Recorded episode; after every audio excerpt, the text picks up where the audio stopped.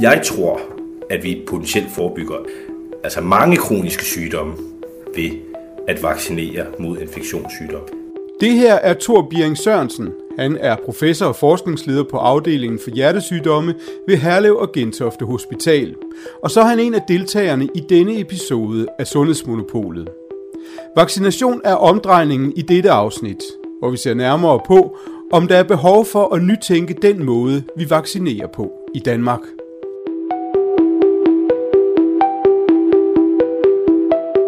Vores sundhedssystem er udfordret fra en befolkning, som lever længere og som får flere kroniske sygdomme, for mangel på personale og kapacitet på sygehusene, og for udviklingen af nye innovative behandlinger, der udfordrer vores sundhedsbudgetter.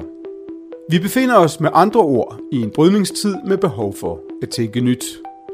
I denne episode af Sundhedsmonopolet kan du blandt andre møde sundhedsordfører fra Enhedslisten, Peter Velblund, sundhedsøkonom Tove Holm Larsen og flere andre eksperter. Mit navn er Morten Bro Bigel. Velkommen indenfor.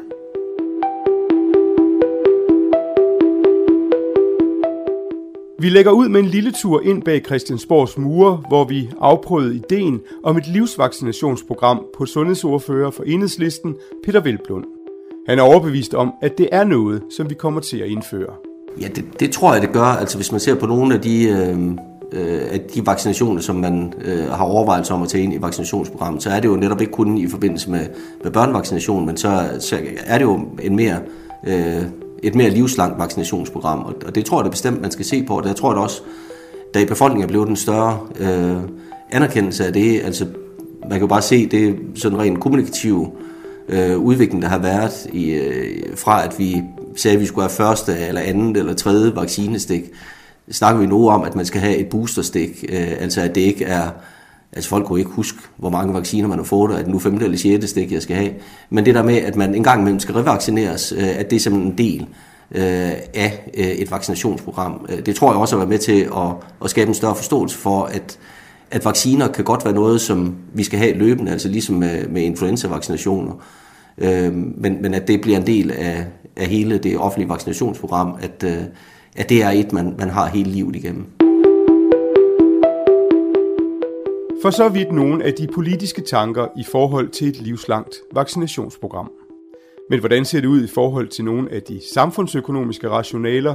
Det spurgte vi sundhedsøkonom Tove Holm Larsen, professor og direktør i Pharma Evidence om.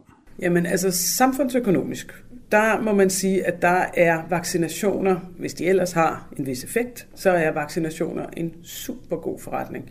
Øh, vi ved, at, øh, at børnevaccinationsprogrammet for eksempel er holder en, en økonomisk øh, kosteffektivitet, som er cirka tre gange så høj som alt muligt andet, vi forebygger mod. Så generelt er vaccinationsprogrammer en, øh, en mega god forretning. Og her har man, det er beregninger, hvor vi bare kigger på sygdommen og, øh, og, og behandling derefter, men ikke på senfølger oveni. Når det, øh, så det er sådan den vigtigste pointe. Og den næste pointe er, at vi glemmer nogle gange det der forebyggelse, fordi forebyggelse er svært, fordi vi altid laver årlige budgetter, øh, og, og det er svært med forebyggelse, fordi du fjerner jo en sygdom, som måske kommer om 20 år, og få det med på det nuværende budget, det er altid bøvlet, det er altid besværligt. Øh, så at, at sætte flere penge af øh, til forebyggelse, blandt andet i form af vacciner, er grundlæggende en rigtig god forretning. Øh, så kan man stadigvæk sige, at man kan også forebygge så meget, at vi slet ikke har nogen penge til øh, at behandle. Det skal vi jo heller ikke have, men det er slet ikke der, vi er for øjeblikket. Der er masser af plads til at udbygge forebyggelse, så, øh, så folk ikke når at blive syge og når at komme ind på hospitalerne. Thor Biering Sørensen er professor og forskningsleder på afdelingen for hjertesygdomme ved Herlev og Gentofte Hospital. Han forsker blandt andet i infektionssygdommes afledte effekter, altså om det, man vel kan kalde for mere værdien af vaccinerne, når de ikke bare forhindrer den konkrete virussygdom, men når de ligefrem kan forhindre andre sygdomme og lidelser i at opstå eller at udvikle sig. Man kan sige, at mange af de vacciner, som der jo er på markedet, også vores covid-vacciner, de er jo blevet godkendt af sundhedsmyndighederne øh, på baggrund af, at det forebygger en positiv podning med covid, eller en positiv podning med influenza.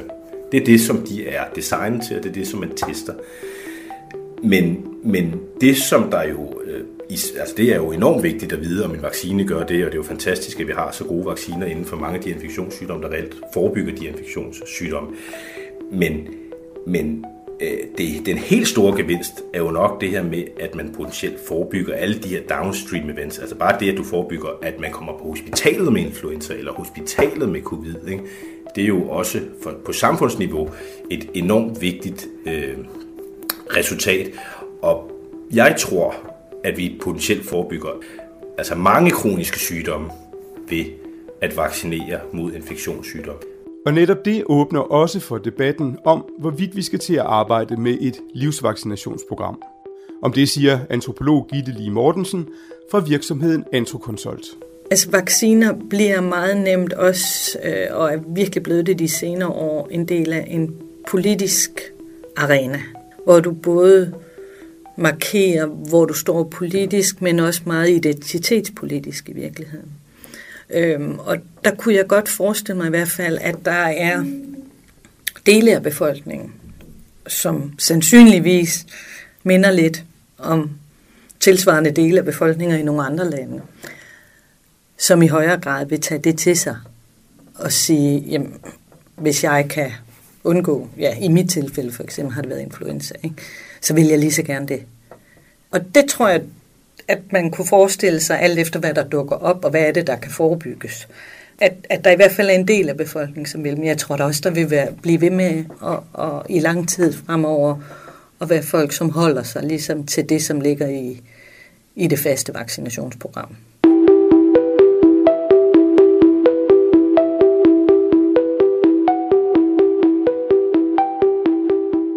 Hos Dansk Erhverv er man meget interesseret i, at der kommer mere fart i debatten om, hvordan morgendagens vaccinationsprogram skal se ud.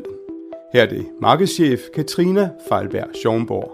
Vi synes, det kunne være rigtig fint, at man får en meget mere sådan, og netop måske også lidt en samfundsdebat, og måske også en politisk debat omkring det her med, jamen hvad er det for nogle vacciner, der faktisk har en, øh, en, en samfundsøkonomisk positiv effekt, øh, og ikke kun en sygdomsmæssig positiv effekt. Og hvor, fordi det er klart, at det at starte en vaccine op, uanset om man kan sige, det er infektionssygdomme, eller om det er en screening som HPV, øh, jamen så, øh, så har det jo en stor, man kan sige, økonomisk, øh, så er det en økonomisk øh, omkostning, øh, når man starter en ny vaccination, vaccination op. Men det her med at tage det brede perspektiv på og sige, jamen, hvad har det så af positive effekter på vores samfund og på, på produktivitet, når vi taler sygedag. Og det synes jeg sådan set er en, er en værdig diskussion, som vi også godt vil være med til at, øh, at skubbe på for.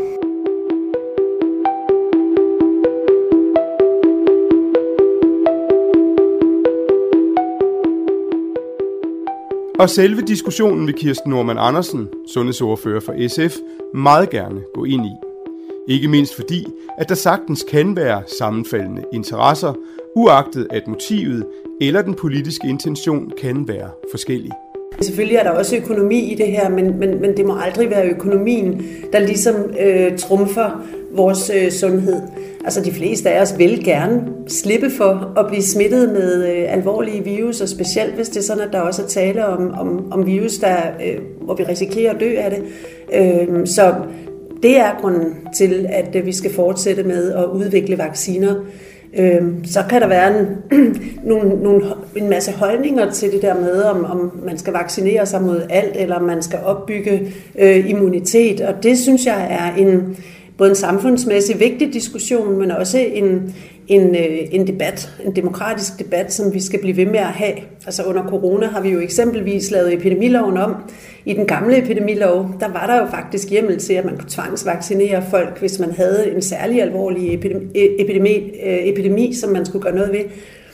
Øhm, det kan vi ikke i den, med den nuværende øh, lovgivning. Det synes jeg for eksempel var en forbedring af epidemiloven, fordi at det er i dialog med hinanden, at vi bliver enige om, hvor går grænsen så for, hvad vi skal vaccinere imod. Øh, fordi selvfølgelig er der også en grænse for, øh, hvor meget vaccine vi skal benytte os af. Vi tog også ideen om at skrue lidt på vaccinationsprogrammet med ud til en af praktikerne, nemlig overlæge Ulla Birgitte Hartling, på børneafdelingen UH Odense Universitetshospital.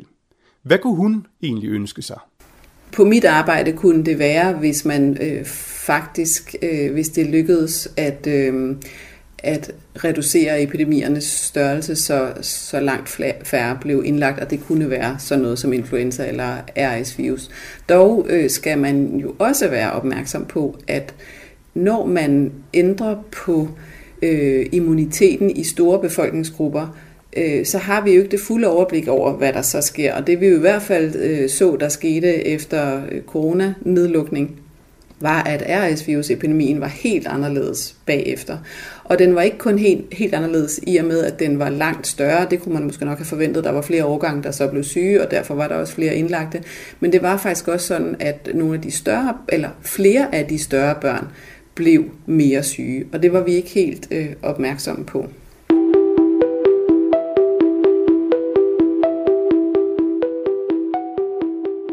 Netop det viser, hvor komplekst feltet i det hele taget er.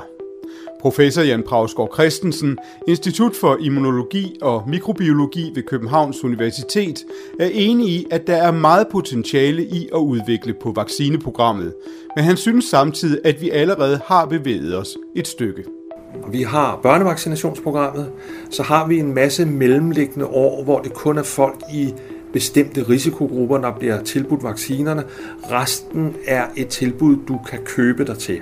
Og det er typisk i forbindelse med rejsevacciner, at, at hvis du skal steder hen, hvor du bliver sårbar, så kan du lade dig vaccinere.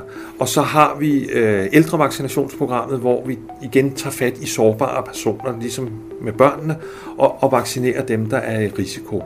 Og det system, det fungerer egentlig også cost-benefit effektivt. Sundhedsordfører for Enhedslisten, Peter Velblund, er meget optaget af, at det offentlige kommer til at spille en væsentlig større rolle i forbindelse med udviklingen af vaccinerne i et fremtidigt program. Ja, i det hele taget, at det omfattes større regulering. Ja, altså der, der synes jeg jo netop øh, spørgsmål omkring, øh, hvem er det, der forsker, hvem er det, der udvikler, øh, hvem er det, der, der, der distribuerer øh, vacciner, har vist, at, øh, at der har vi en meget stor afhængighed af medicinalindustrien, som, øh, som også er uheldig, når vi ser på, hvordan vi sikrer lige og fri adgang.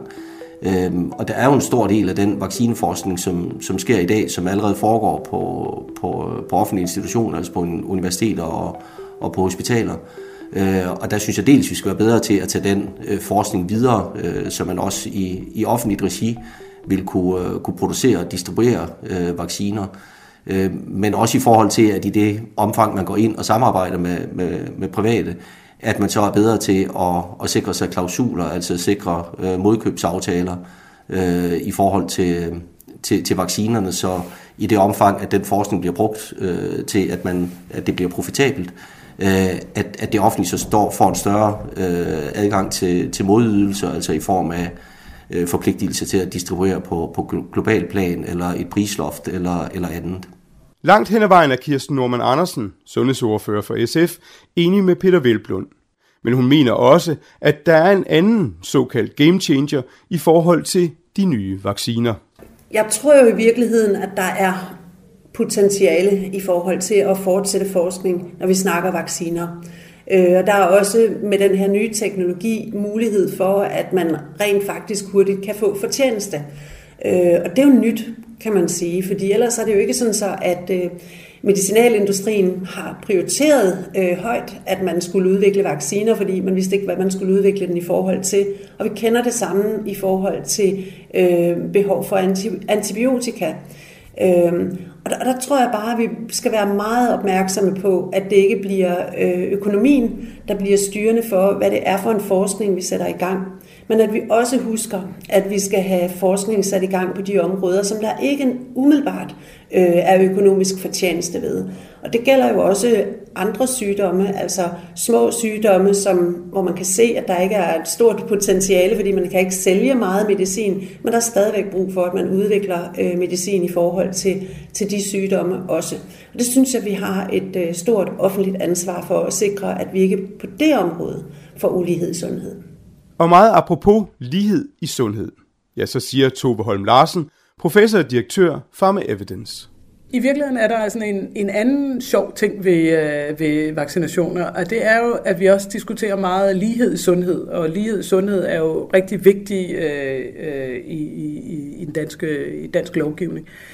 Og en af de ting, hvor vi virkelig har lighed i sundhed, det er jo vaccinationer. Fordi der, er du ikke, der har du ikke udviklet en sygdom, og enten er god til at huske at gå til lægen, eller god til at forklare lægen, at det er altså dig, der skal have denne her, øh, vac- øh, denne her øh, behandling mod en sygdom.